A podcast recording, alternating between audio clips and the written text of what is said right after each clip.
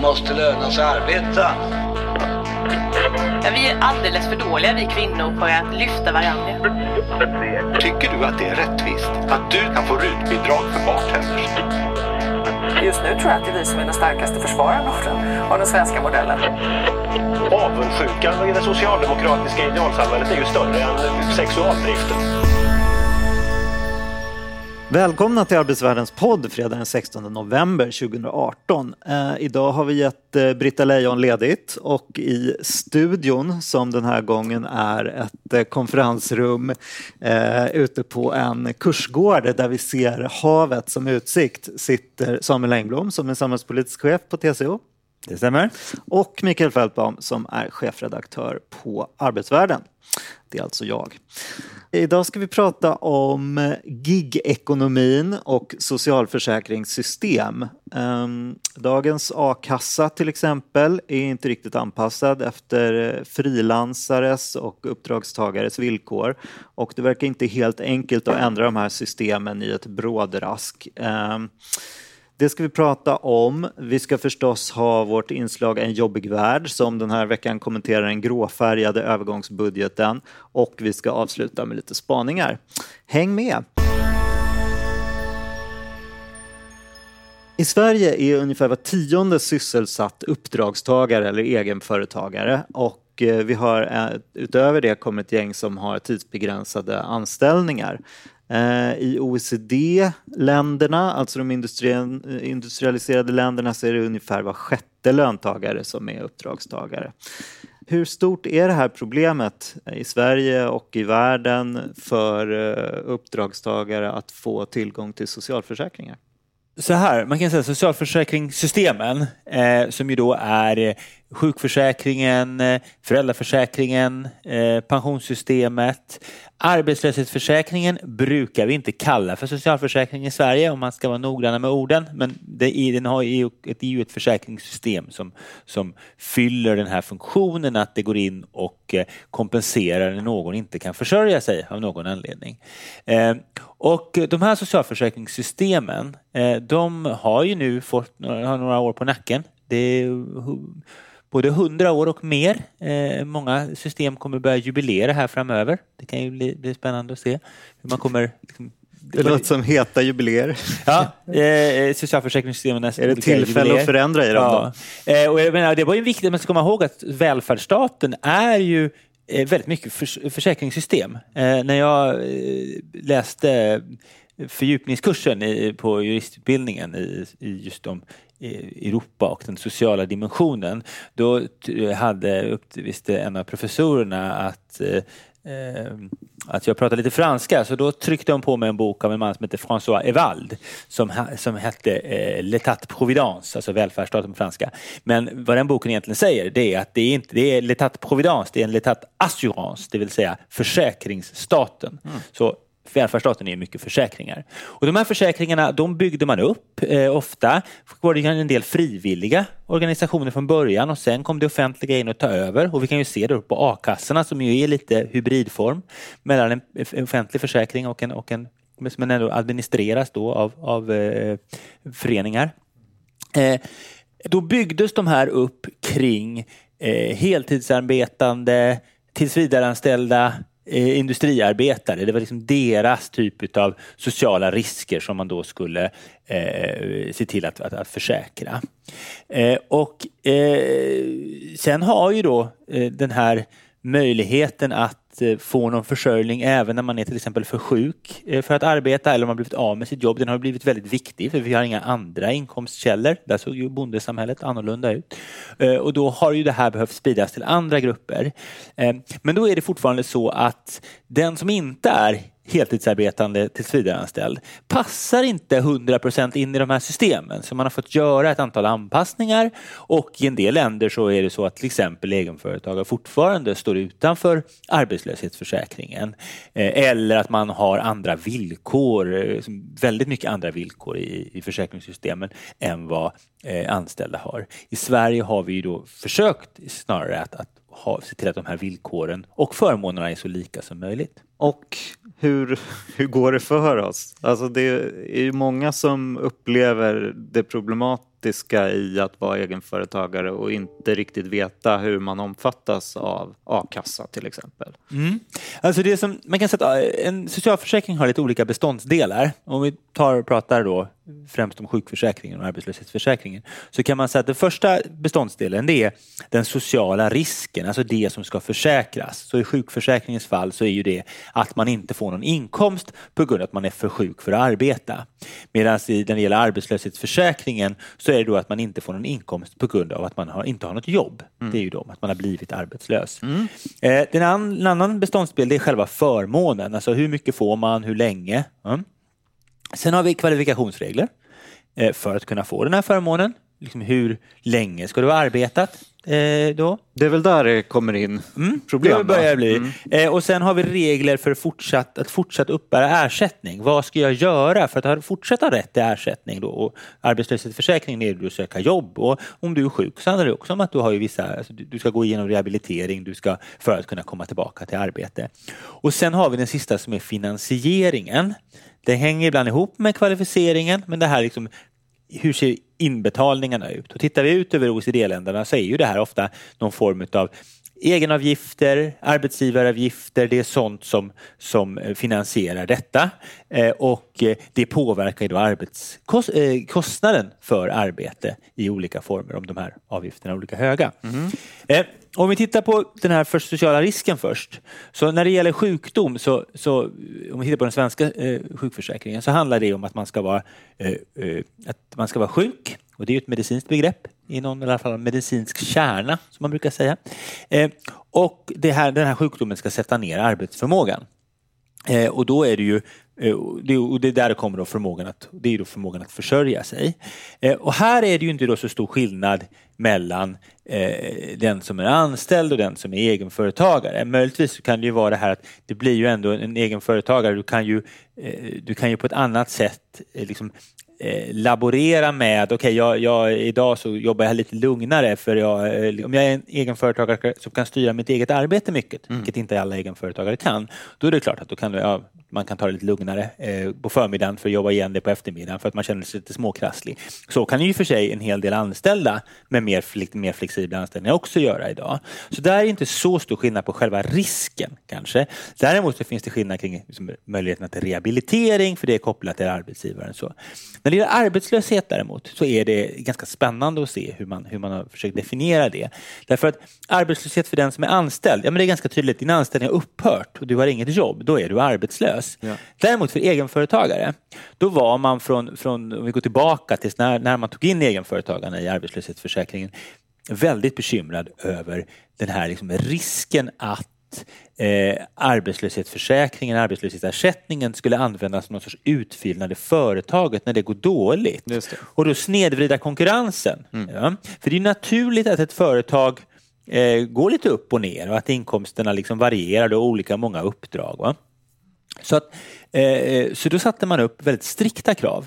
Alltså från början så skulle du, liksom, du skulle ha avregistrerat ditt företag, du skulle ha sålt alla, liksom, all utrustning du har använt. Alltså det var nästan så här att du skulle liksom kört en påle genom ditt företagande va? Mm. Eh, eh och begravt det sex fot ner i marken för att du skulle klassas som arbetslös. Vilket ju blir väldigt korkat då, för då har man svårt att komma tillbaks till någonting när man får mer jobb. För det var det man kom på sen att, aha, men för många av de här egen, för detta egenföretagarna, det bästa sättet att komma tillbaka i arbete, det är ju kanske att starta ett företag på nytt. Ja. Och i de här reglerna så låg det en stor risk för, för liksom kapitalförstöring. Mm. Så de har gradvis blivit, liksom, man har lättat upp det där. Så det blir liksom, man, man, kraven på eh, vad du ska göra för att anses som arbetslös när du är företagare, de har, de har sjunkit. Liksom. Mm. Men det handlar givetvis om att det är mer varaktigt eh, att ditt företag har idag. Och idag gör man en sorts samlad bedömning av, av, av situationen. Och hur ser det ut idag? Då? Alltså man har ju en, eh, jag vet inte om det här är en gammal känsla eller om det fortfarande är lite knepigt för egenföretagare att få tillgång till a-kassa. Ja, men du ska ju visa att verksamheten ska ha upphört mm. Eh, och, och, och, då gör man någon sorts samlad bedömning. Men det här har blivit gradvis lättare. Mm. Liksom. Men det är klart, det är inte så enkelt. Det är klart, för en, en, anställd så kan det vara väldigt tydligt när du blir när du blir arbetslös. Eh, det Men här- Tycker du att man ligger på, eller tycker TCO, eller tycker du att vi ligger på en bra eh, lagom nivå där idag? Man kan alltid se över givetvis hur det här, hur det här fungerar med hur företagande ser ut idag. Men det, det är liksom, vi har varit positiva till att man har att, till den här liksom utvecklingen mot att mer och mer liksom, eh, mer generösa regler, mer flexibla regler. Ja. Men det här då eh, gör också att man har eh, arbetslöshetsförsäkringen har sin helt egen företagardefinition. Vi vet att det här är ett annat av mina favoritämnen, men, Ja. men arbetslöshets, eh, vi har arbetsrätten har sitt, arbetsta, sin gränsdragning mellan arbetstagare och, och uppdragstagare. Skatterätten har, där har det här med A-skatt och F-skatt och du har olika inkomstslag. Eh, och sen har du i socialförsäkringsrätten så har du också olika arbetstagarbegrepp. Men då är det så att eh, arbetslöshetsförsäkringen utmärker sig med ett eget företagarbegrepp där fokus är på din möjlighet att bestämma över arbetslöshetens inträde. Så det handlar om, om liksom vilket inflytande du har över företaget. Och då har vi som, om du, är, om du har ett aktiebolag och, eh, och, och, som du äger och driver, då är du egentligen anställd i ditt aktiebolag. Men då är du, då, så det finns i andra hänseenden som du kan då räkna som arbetstagare i ditt eget aktiebolag. Men när det gäller arbetslöshetsförsäkringen, då är du företagare. Då är du inte det. Det har också varit så att när det gällt sådana här egenanställningsföretag, Eh, det vill säga de här företagen som fungerar som, fungerar som mellanhänder. Om någon då inte vill bli företagare, det är ju deras liksom, eh, nisch då, så ska man kunna fakturera via dem och så går de in som någon sorts liksom, fiktiv arbetsgivare för den här personen. De har av vissa a-kassor ansetts vara företagare och det tycker jag är ganska logiskt utifrån det här kriteriet. De kan, de kan kontrollera sin, sitt eget företagande. Men det här går tillbaka på att man är rädd för att snedvrida konkurrensen mellan företag om några kan gå in och, och liksom fylla ut sitt företag med Dåliga tider a-kassa med i dåliga tider. Mm. Eh, sen har vi det här med förmånen. Och den är ju definierad då oftast som i Sverige x procent av den inkomst man hade. Eh, eller den inkomst man skulle haft om man inte hade blivit sjuk eller arbetslös. Men vänta, vi kan bara Ja. stanna vid det där. Om det, det är fortfarande så att man måste lägga ner sitt företag för att komma i åtnjutande av a-kassa. ja. Ja. Eller ja, lägga det vilande. Lägga är det vilande, Ja, det. man kan vila företaget. Är det rimligt då? Har man en chans att komma tillbaks till arbete om man inte har sitt företag att komma tillbaks till? Här är det ju en gränsdragning man Mm. måste göra mellan då risken att eh, arbetslöshetsförsäkringen används som en, som en eh, utfyllnad i företaget Mm. och risken att eh, personer lägger ner ett företag som hade kunnat försörja dem Mm. i ett lite senare skede. Och det är klart att det här gör just, gör just gör ju också att det är svårt när människor har, om du är företagare på deltid. Mm. Eh, så så det här är, där måste man, ha- det är ju ett område man måste ha separata regler. Jag I en ju- del länder har ju det här lett till att alltså, företagare inte ingår i arbetslöshetsförsäkringen för att man ser det här som ett oöverstigligt hinder. Men i Sverige har vi då försökt, vi tar med dem och så försöker vi hitta definitioner som löser det här. Det finns ju en, jag vet, det här är, för mig är det kopplat till att jag har pratat med folk som är Ja. väldigt intresserade av medborgarlön eh, och som just eh, är i det här, kanske deltidsföretagare och upplever att det är så jäkla krångligt att få a-kassa och det funkar inte liksom. Och därav tycker att så här, vore det inte bättre med en grundtrygghet som folk kunde ha och sen kunde man utgå ifrån det och bygga på. Då skulle man också få en, en möjlighet att eh, köra sitt företag med det man ville och fylla på sin lön och ha en grundtrygghet så man slapp de här krånglet i de här systemen. Alltså man kan, det finns flera eh, argument mot ett grundtrygghetssystem. Ett i Ja, det att den där är grundtryggheten skulle bli, dyrt. nu- ja, det skulle bli dyrt, man skulle behöva lägga den på väldigt låg nivå, Mm. sannolikt för att inte, eh, dels av kostnadsskäl men också för att inte helt eh, att det fortfarande ska finnas incitament att arbeta då så att vi inte hamnar, människor hamnar i någon sorts så här, fattigdomsfälla där det inte lönar sig att arbeta alls Mm. liksom, och du blir, hamnar i passiv. Men det, jag tror att man kan också illustrera eh, vad det här gör med ar- för arbetsmarknaden genom att ta ett exempel från arbetslöshetsförsäkringen. En fråga som också har diskuterats fram och tillbaka många gånger det är ju möjligheterna att vara arbetslöshet på deltid. Och hur länge du ska vara det. kunna vara det. Och det är klart, det finns, en, det finns då en, en, givetvis en logik. Säg att du har jobbat heltid och sen så blir du arbetslös och så får du deltidsjobb. Att du då kan fortsätta stämpla upp. Att du kan stämpla upp så. Eh, Det, det är ju logiskt. Och då är frågan hur generöst det där ska vara. För att man, eh, när man för några år sedan liksom, skruvade åt de där reglerna, då var ett argument att eh, vissa arbetsgivare, eh, läs kommunerna, hade mer eller mindre liksom satt i system att erbjuda deltidsanställningar bara eh, inom vissa kategorier. Och samtidigt visste de att folk kunde stämpla upp. Så då fanns trycket på att skapa på heltidsanställningar blev ju mindre eftersom här tillhand- tillhandahöll ju staten liksom en kader av, av deltidsarbetskraft. Då. Eh, risken med en del av de här som, idéerna om medborgarlön är att det vore ju drömmen för alla de här företagen som, som tänker sig att människor ska gå in och göra korta påhugg. För då skulle det ju finnas en ganska stor då liksom kader av personer som har sin grundläggande försörjning garanterad men som kan gå in och ta påhuggen. Det skulle snarare antagligen öka på den typen av anställningsformer. Därför att arbetsgivarna skulle, när de liksom, kampen om arbetskraften inte behöva erbjuda mer. Vi kan ju se, studenter med studiemedel till exempel är ju lite en sån arbetskraft idag. De kan gå in och tjäna extra. De är inte beroende av det, men de kan gå in och tjäna extra. Det kan vara bra för dem, men det kan också vara väldigt praktiskt för arbetsgivarna att ha att det finns den typen liksom av arbetskraftsreserv där ute som är väldigt flexibel. Just det. Studiebidraget är en sorts eh, basinkomst. Ja. Ja, fast det ställs ju krav Ja. på Ja. den. Du Ja. ska liksom studera, du ska ta dina poäng och så vidare. Och där kan det vara så jobbar du för mycket så tar du inte dina poäng. Liksom. Ja.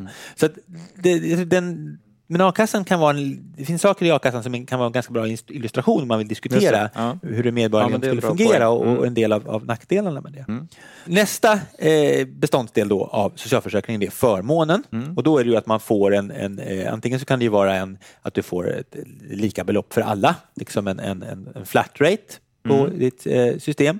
Eller så kan det ju vara då inkomstbortfallsbaserat. Ja. Eh, man kan då fundera lite på var vi idag står i Sverige om vi tittar på a-kassan till exempel. Att taket är så pass lågt att man nog lika gärna skulle kunna beskriva den som att vi har en en, en, liksom en flat rate som är a-kassetaket men man kan aldrig få mer än 80 procent.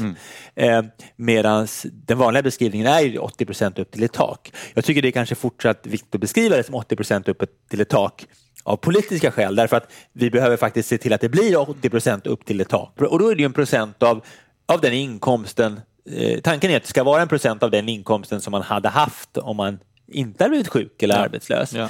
Eh, och det där är också då en sån där sak som blir lite svårare när det gäller egenföretagare. För att eh, i Sverige har vi då ganska smart kopplat ihop det där till hur mycket man tar ut ur företaget. Och det är bra för det skapar incitamentet att ta ut lön ur företaget eh, och beskatta den. Därför att det är det som ger dig inkomster.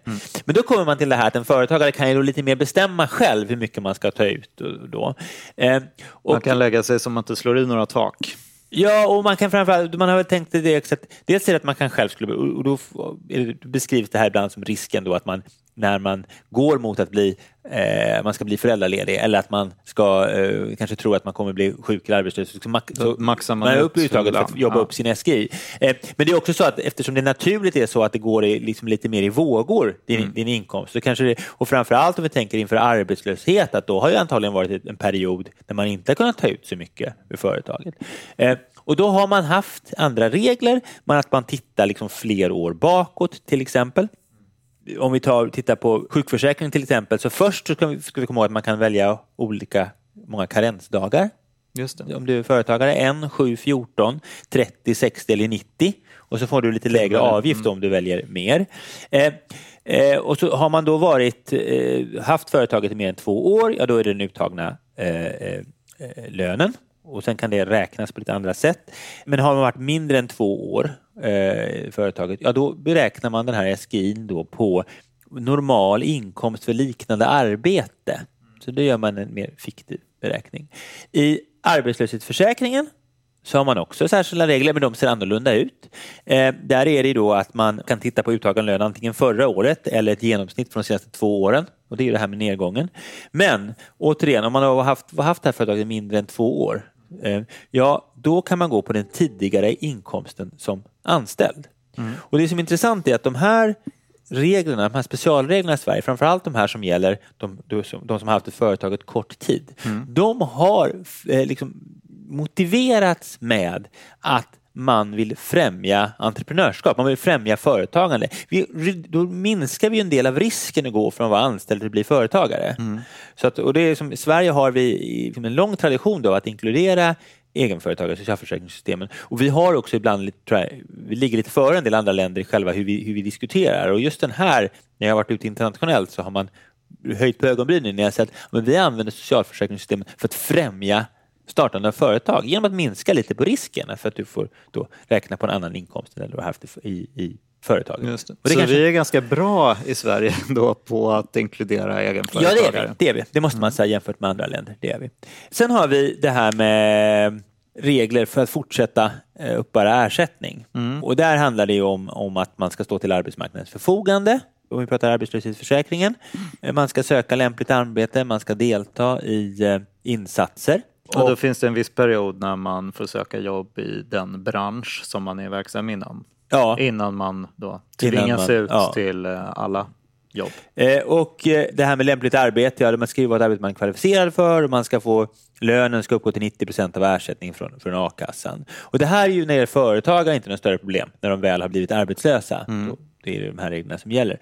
Men det, det här väcker ju då förekomsten av väldigt en, en, en, arbetsmarknad där det finns de här korta påhuggen, liksom, gig-ekonomi och on-demand-ekonomi, den väcker en del frågor. Därför att det är klart att, att för en del som, som arbetar i den ekonomin, och då kan man vara egenföretagare och man kan vara anställd i den, så kommer det ju vara så att det som händer när lågkonjunkturen kommer, det är inte att du blir helt arbetslös, utan det som händer är att de här, liksom, du får färre och färre sådana här gig. Och då är det klart att då tänker vi att ja, men det här då kan ju vara lämpligt arbete, att du går in och tar den här typen av påhugg. Va?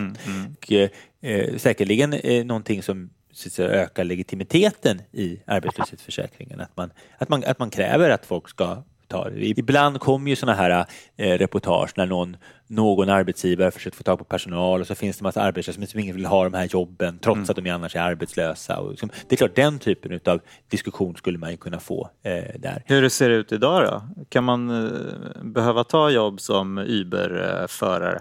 Uber det, här handlar ju också om ett lämpligt arbete. Det handlar ju också om, liksom, det är ju, där har du kvalifikationerna för det, hur ser inkomsten ut, det är ju sådana här saker.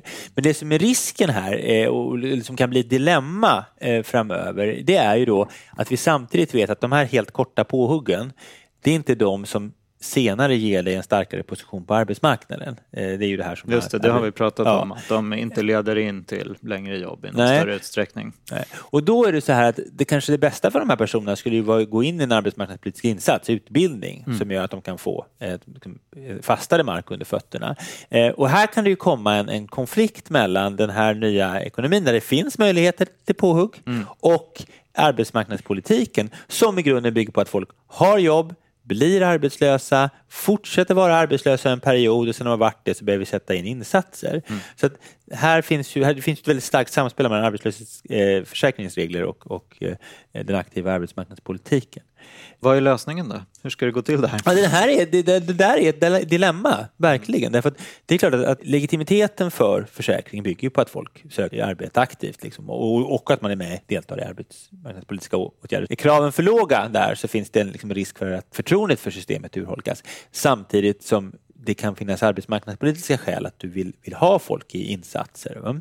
Men du vill inte ha inlåsningseffekter där någon är i en insats istället för att... En lösning är givetvis att arbetsmarknadspolitiken dels blir mer flexibel. Det vore ju bra att innan du börjar få så få påhugg att du inte kan försörja dig om du hade möjligheter att gå olika utbildningar och sånt för att, för att i mer flexibla former då för att kunna eh, kvalificera dig för en, liksom, en, en starkare position på arbetsmarknaden, kunna få jobb som är mer stabila. Eh, och så. Eh. Sen finns det då den sista delen som är finansieringen av den här, eh, av försäkringarna. Ja. Det är ju försäkringar som man ska betala premier och det kan vi se liksom i andra länder. Man, ge- generellt så är det här inte någonting som man kör rakt över den vanliga skattsedeln utan det här man anger i vart fall i teorin att vissa inbetalningar ska gå till det här. Sen kanske de som i Sverige bara egentligen går rakt in i statskassan. Eh, och då är det ju eh, arbetsgivaravgifter och egenavgifter i olika kombinationer. Ofta kan det ju vara faktiskt att arbetsgivaren betalar, betalar arbetsgivaravgifter samtidigt som, som personen betalar egenavgifter. Då. Eh, I Sverige har vi ju arbetsgivaravgifterna och det finns en del av det som, som där är specificerat att det ska gå till de här systemen, men det gör det då inte i praktiken. Eh, I Sverige är de här ganska lika i storlek. Va? Vilka då? Eh, arbetsgivaravgifterna, de arbetsgivaravgifter som arbetsgivare betalar för sina anställda och de egenavgifter som egenföretagare betalar. För anställda så är arbetsgivaravgifterna 31,42 procent. För egenföretagare så är de mellan 27,96 och 29,35 beroende på hur många karensdagar du väljer. Bra att du har koll på Ja, så, så, det, siffrorna. Ja. precis, så det är ju en skillnad, men den är ganska liten. Eh, och då ska man kunna samtidigt säga att vi vet att egenföretagare har svårare att utnyttja de här systemen. Liksom, det är svårare att vara sjuk. Eh, eh, vi har andra regler kring arbetslöshet. Att vara föräldraledig kan för en del, beroende på hur ditt företagande är uppbyggt, vara, vara svårt för vissa företagare som har lite svårare att utnyttja systemen. Eh, och, men ändå har vi då en ganska liten skillnad. Det finns ju länder som har betydligt större skillnad de här emellan. Det kan ju bland annat bero på att man inte är med i till exempel arbetslöshetsförsäkringen. Men när det börjar bli stor skillnad, då påverkar ju det här kostnaden för arbetet. Den kostnad som liksom arbetsgivaren eller uppdragsgivaren måste betala. Då gynnas endera formen. Ja, ja, precis. Och det här är någonting som, som eh, den här OECD-rapporten, The Future of Social Protection, som kom här i veckan, eh, som är början på ett projekt som, som, som eh, OECD har. Det är en sak som de pekar på, att om de här skillnaderna är för stora, då kan det snedvrida arbetsmarknaden. Det vill säga att det skapar väldigt eh, starka incitament att anlita folk i en viss form.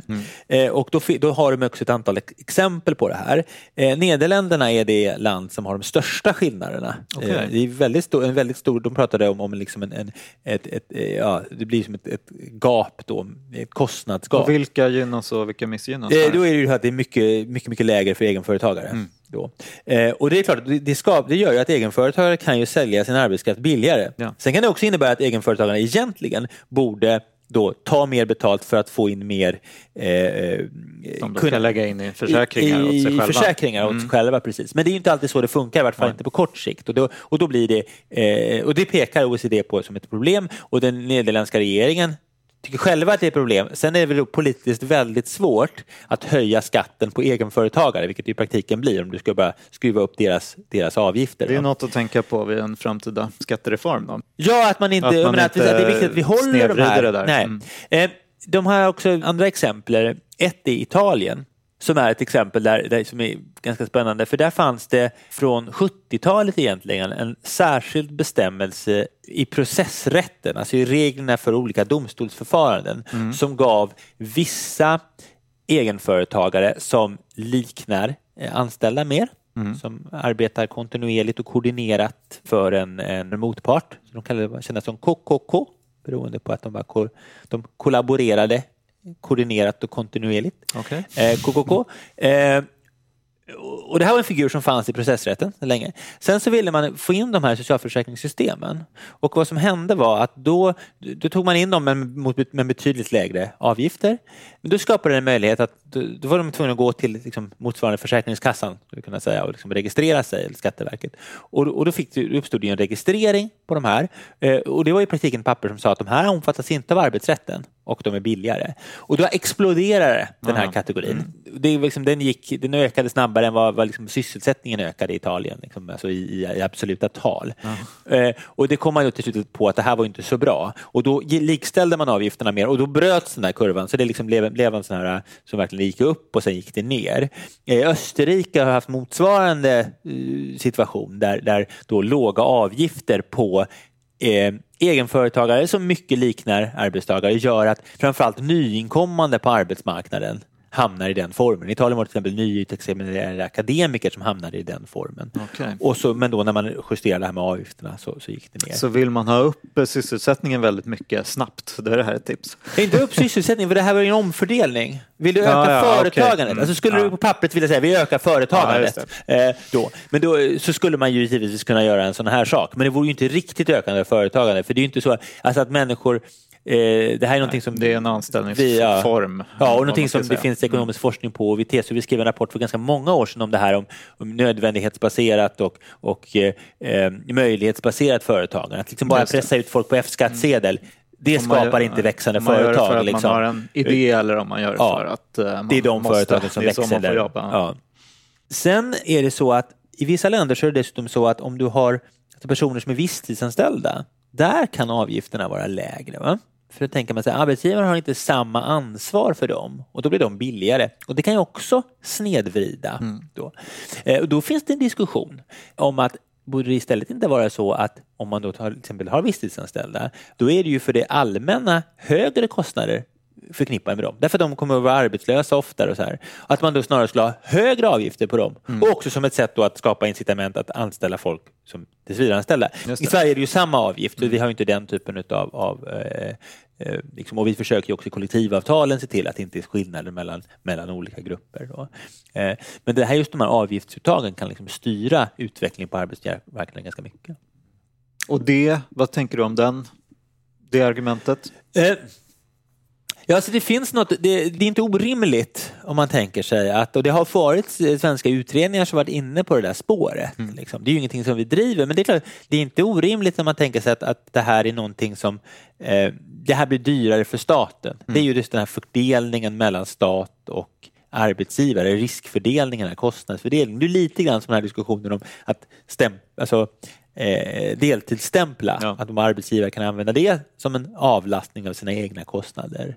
Eh, så det där är ju en, en diskussion man givetvis kan ha om hur man ska utforma de här systemen. Men det, det är viktigt i de sociala trygghetssystemen att man förstår vad de här avgifts eh, hur just avgifterna kan, kan påverka arbetsmarknaden. Vore det bra eller dåligt om vi fick färre egenföretagare? Så det beror helt på vad det är för företagare. Man kan säga att det, det, Ja, men med tanke på den, jag vet inte om du, vet, om du har någon koll på den här uppdelningen då, hur många är det för att de eh, verkligen har en idé som de drivs av och hur många är det för att eh, som tycker att man kan konkurrera billigare med den typen av Alltså jag har inte sett någon sån eh, statistik för Sverige. Eh, det har inte. Vi har gjort en undersökning på TSU där vi har tittat på hur man, hur man, liksom hur, nä, hur ser relationen med uppdragsgivaren ut? Mm. Eh, där vi då kunde se att, att eh, ja, nästan en tiondel då av egenföretagarna har, är den situationen att de ska personligen utföra arbetet. Det är inte så att de kan skicka någon annan och ha anställda som de skickar ut, de ska personligen utföra arbetet. De har bara haft en eh, uppdragsgivare de senaste sex månaderna och de är liksom, inordnade i arbetsgivarens organisation på samma sätt som eh, arbetstagare är. Just. Och blir vill säga, de borde en del av dem ska, men en del av dem kan, kan, där- I den gruppen finns ju då givetvis en andel falska egenföretagare. Mm. Men också en del som inte är falska egenföretagare. Mm. För sen, alltså arbetsrättsligt får du göra liksom en helhetsbedömning av det. Och det är ju även skatterättsligt. Kändes det här som ett på. stort problem då eller hur? Nej, men problemet finns. Det finns ju helt klart ett problem med, med, att, eh, med eh, falska egenföretagare i, liksom, i, i vissa branscher som borde vara eh, anställda. Sen tror jag att det är viktigt att tänka sig att, att eh, det här med anställningsformer, det är ju viktigt att eh, det är av rätt skäl. Att har man visstidsanställda så är det för att det är ett tillfälligt behov av arbetskraft som man behöver lösa. Det vill säga att man behöver ta in vikarier. Och ur ett fackligt perspektiv vill vi, vi ju att man ska ta in vikarier. Så den typen av visstidsanställningar är ju väldigt bra, att man gör det. Bättre det än att man inte tar in någon så får den vanliga personalen jobba mer. Liksom. Eh, det är rimligt att man kan pröva, att man kan liksom ta, ta in personer, eh, att vi har provanställningar, att du kan liksom pröva personer i början. Det är rimligt att om man behöver viss kompetens under en begränsad period så kan man ta in det. Eller att man kan anställa folk och liksom under arbetstoppar. Alltså det här, du kan göra den här listan blir sen väldigt ganska lång på alla legitima anledningar av visstidsanställda.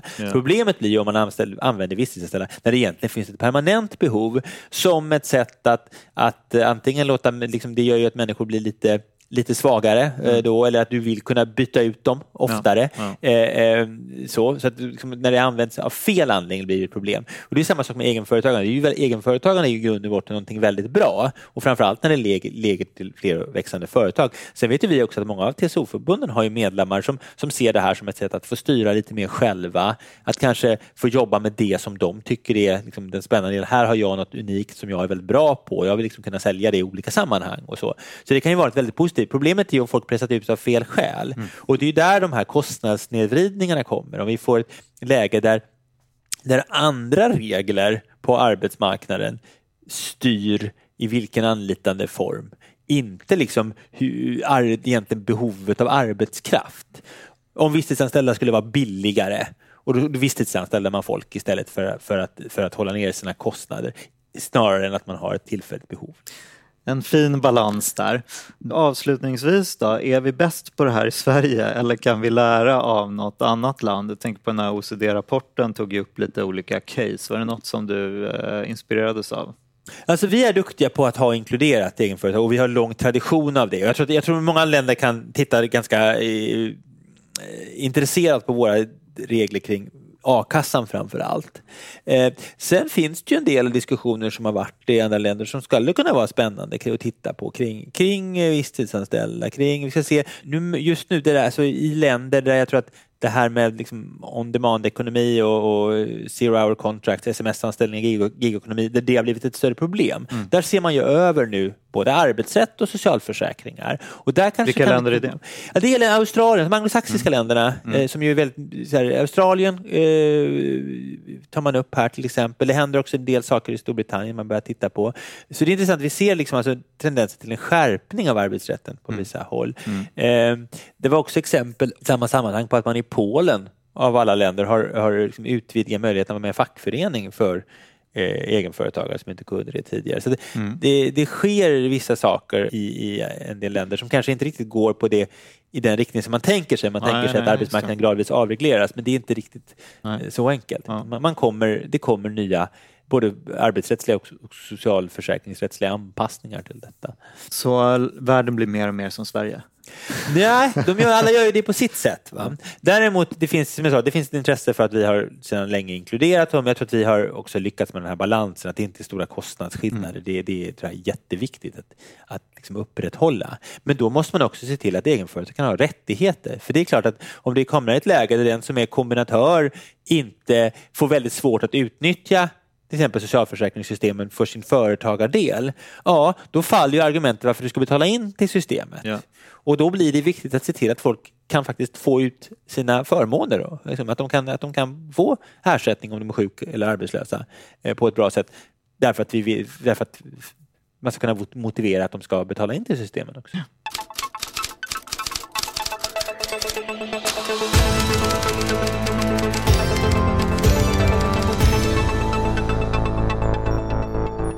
Den nuvarande övergångsregeringen bildar nytt parti. Ett nytt politiskt alternativ smyglanseras nu för svenska väljare. Ett vagt, osynligt och knappt hörbart budskap bedöms i nuläget locka flest röster i ett kommande extraval.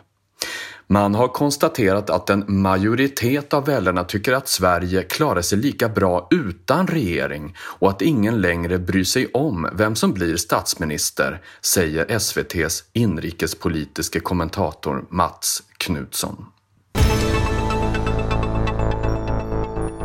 Ja, vad tror du Samuel? Eh, skulle folk uppskatta en sån här osynlig regering? Eller är det inte tvärtom, att folk gillar kanterna nu? Att man gillar en mer synlig politik? Alltså det här med att folk gillar kanterna tror jag man ska vara lite försiktig med därför att det är ju det vi, vi hör. Jag menar, det, är det, här, det som syns och hörs är ju, det, det liksom, är ju kanterna. Eh, eh, både, och det handlar dels om sociala medier brukar man peka på, men det handlar också om vanliga medier som gärna gillar att ta maximalkonflikter. Vi ska bjuda in två debattörer. Då tar vi två som står långt ifrån varandra för då blir det liv i luckan. Ja, men det liksom. handlar väl också Ja. om hur det faktiskt utspelar sig i valen. Att Ja, men mitten alltså det- har det- blivit mindre synlig och eh, Men har att den det? även det i är, ingen, stöd. ingen kallar sig mitten men, men eh, ja, eh, längre. Det är inte, vi har inte Jag tänker på det här representanthuset, att det klev upp eh, folk som var mer uttalade liksom, vänsterkandidater för Demokraterna, fick Det ett där, alltså, genomslag. jag tänker och sådär. USA är lite annorlunda för det handlar ju mycket om att mobilisera och då kan ju Ja, vara att en mer extrem kandidat mobiliserar mer. Eh, eh, men när det gäller det här med, med eh, övergångsregeringen så kan man väl säga så att, att eh, jag kan ju vara lite rädd att man börjar vänja sig vid det här. Vid en Det- övergångsregering. Ja, att det här, att det här, jag menar, vi behöver inte gå tillbaka så många veckor som eh, före valet pratades om det här scenariot att det skulle läggas fram en budget som, liksom, in- som var opolitisk, den här gråa budgeten. Det var ju någonting som såg som att, oh, men herregud, tänk om det går så långt. Och så går det några veckor av sonderingar och löser inget. Och sen börjar alla prata om, okej, hur ska vi hantera den där budgeten då? Och vad händer i riksdagen efter den? Och vad, Ja, och då har man liksom normaliserat en sån budget. Eh? Eh, Och nu, för annars hade man tänkt att men det här borde väl sätta fart på de här regeringsförhandlingarna.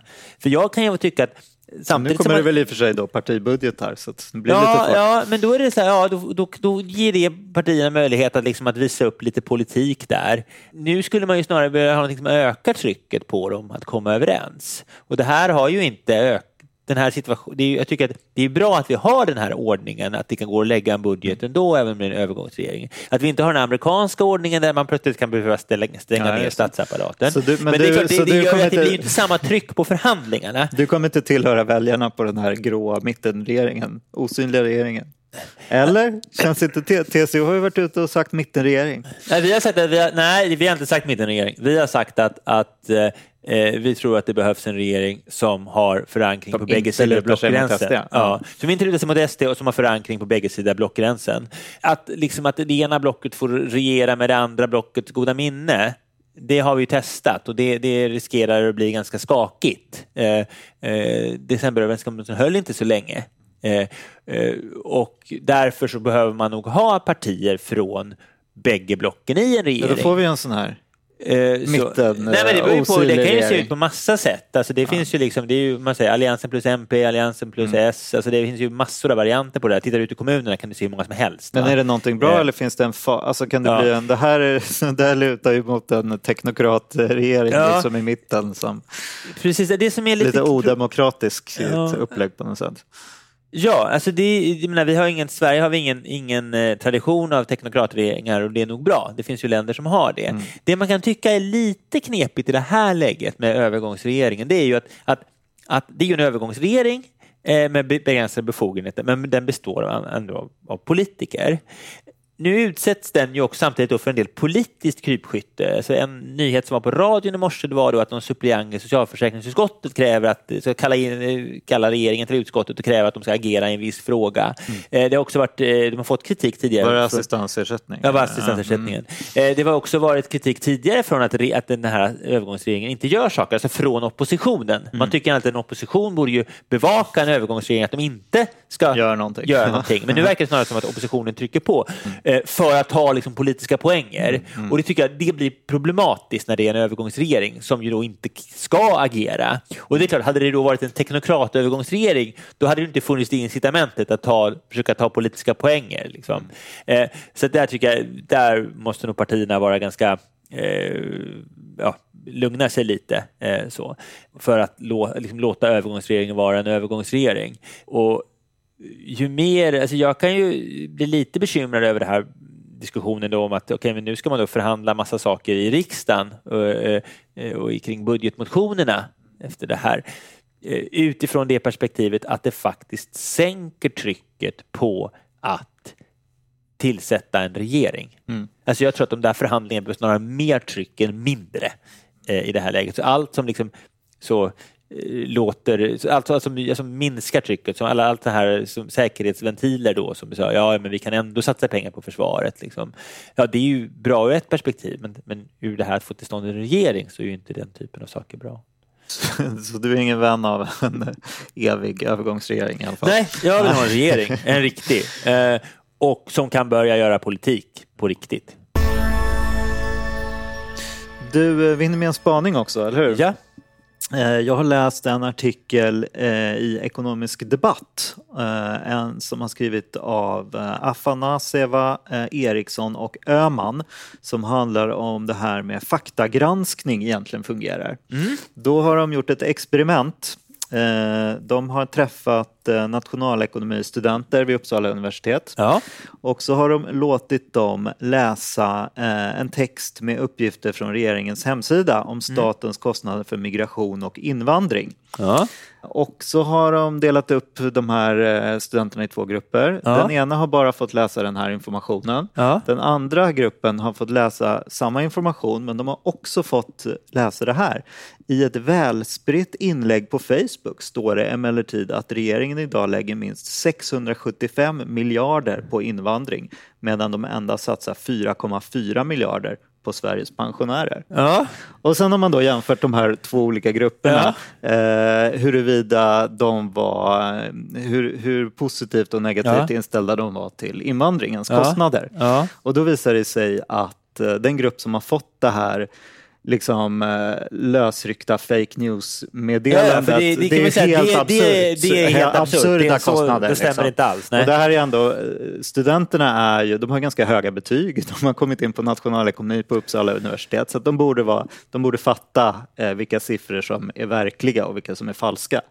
Men det visar ju sig att eh, den här gruppen som eh, fått höra det här eh, random Facebook-inlägget, av dem är 37 procent eh, tycker att Sverige lägger för mycket resurser på invandring jämfört med bara 20 procent i den andra gruppen. Det är alltså en skillnad på 17 procent. Och i övrigt är de här grupperna ganska lika. De gör någon sån där... Eh, ja, de, Om de hade varit exakt lika så hade den där skillnaden kanske varit 14 procent Ja. istället för 17 procent. Men det, verkar, det tyder ju på att eh, fake news fungerar. Ja. Alltså, vi blir påverkade. Så diskuterar de då vad, det kan, vad, vad kan det bero på att de här duktiga studenterna fastnar för det här vansinniga påståendet och så säger de att Ja, kan det vara priming, alltså att, man, att det är ett undermedvetet budskap som går in på någon undermedveten nivå som man tar till sig? Kan det vara en förankringseffekt, att man tycker att det här, även om det ligger långt bort så skapar det någon sorts ankare för vad som är en rimlig uppfattning? Liksom. Och att man på det sättet dras åt, åt det trots att man vet den egentliga siffran. Och kan det vara confirmation bias, att de som ville höra att det kostade för mycket, de blir bekräftade i sin åsikt eh, på ett mm, tydligare sätt. Då. Ja, vad säger du? Det är ju, det är ju lite, lite deppigt att man bara behöver slänga på en helt absurd siffra och folk eh, ändrar uppfattning efter detta.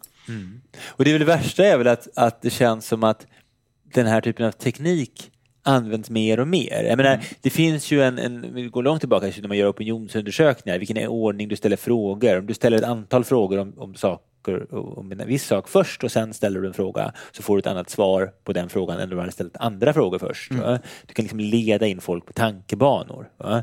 Eh, och det är där man ska man vill ju alltid se, om man ser opinionsundersökning, till man ser hela frågan. Men egentligen ska man vilja se hela frågebatteriet, vilken ordning frågorna ställdes för att liksom veta hur de egentligen landar i det där. Eh, så det går ju liksom att skruva på. Eh, men det här är ju, det som känns hemskt idag, det är ju att det där ut, används, ja. Utstuderat. Va? Eh, och att då fu- fullständigt eh, liksom barocka påståenden kan användas för att ändå vrida en debatt om, om, om eller en uppfattning av vad som är sant. Alltså det här är, det kanske inte är sant men det är för jävligt ändå. Eh, det, är ju, det, det här är ju lite visst, det är ju så folk eh, lite grann resonerar. Att ja, det där kanske inte är sant. Va? Eh, eh, Men ingen rök utan eld. Ja, ingen regel. Och, och liksom, det påverkar ändå synen man har på, på, på något. Va? Det hade kunnat vara så. Eh, alltså det där är, och jag tror att det här är sånt där som, som media måste fundera på. Och där är, det är lite det här att... att, att eh, Precis, inte bjuda in eh, den galna sidan för att den ska Nej, bjudas in när man har fakta jag, på bordet. Jag är faktiskt förvånad över hur mycket av medias behandling av olika ämnen som handlar om att bjuda in två personer från två olika läger istället för att försöka ta reda på vad som är sant. Alltså finns formatet mycket, på ja. Agenda, formatet på Studio 1 är att du plockar in två le, ofta så här, ledarskribenter. Mm. Ja men herregud. Eh, alltså, En liten spark på oss opinionsjournalister. Ja, nej, men jag tycker så här, det- då hade det ju varit intressant att säga så här, ja, vi vill säga att här i forskning kring det här så finns det, ja, finns det liksom två olika uppfattningar. Och så tar du in professor X och professor Y. Eh, och så får de liksom diskutera det där. Eh, eller att man, att, man själv, att man har sånt självförtroende att man själva klarar av att skildra en debatt. Du tror säga att professorer kan mer än vi ledarskribenter? Ja, jag tror det eh, faktiskt. Eh, eh, alltså att, men att, eller, eller att man då gör det hårda jobbet, det vill säga att försöka skildra debatten själva. Så, att säga, ja, Ja, ja. så här ser den här diskussionen ut, det finns de här argumenten för, det finns de här argumenten mot. Ja, och liksom. och så, de så mest trovärdiga källorna är Ja, och så detta. får lyssnarna själva dra vissa slutsatser. va? Eh, Det var, finns någon sån här liknelse om vädret, att, att om, du, om de säger att det blåser ute så är din uppgift som journalist det är inte liksom att hitta någon som hävdar att det är storm och någon som hävdar att det är lugnt och låta dem diskutera det. Utan det är faktiskt att gå ut och, titta- gå ut och känna eh, eh, liksom hur mycket det blåser. Sen finns det ju vad heter det, fejkade vädernyheter. Det har varit några sådana här klipp med någon, där någon reporter står och liksom lutar för det blåser så mycket och så kommer det i bakgrunden personer som går helt upprätt liksom, för att reportern överdriver i direktsändningen. Liksom. Mm, underbart. Du, eh, det var väl allt vi hade för idag helt Ja. enkelt. Eh, hoppas att ni prenumererar på oss i er poddapp och eh, passa på att kontakta oss också på Facebook och Twitter eller i kommentarsfältet på arbetsvärlden.se. Eh, prata om vad ni tyckte och vad vi ska prata om nästa gång och sådär. Eh, bra, vi säger tack och adjö för idag. Tack så mycket. Hej hej!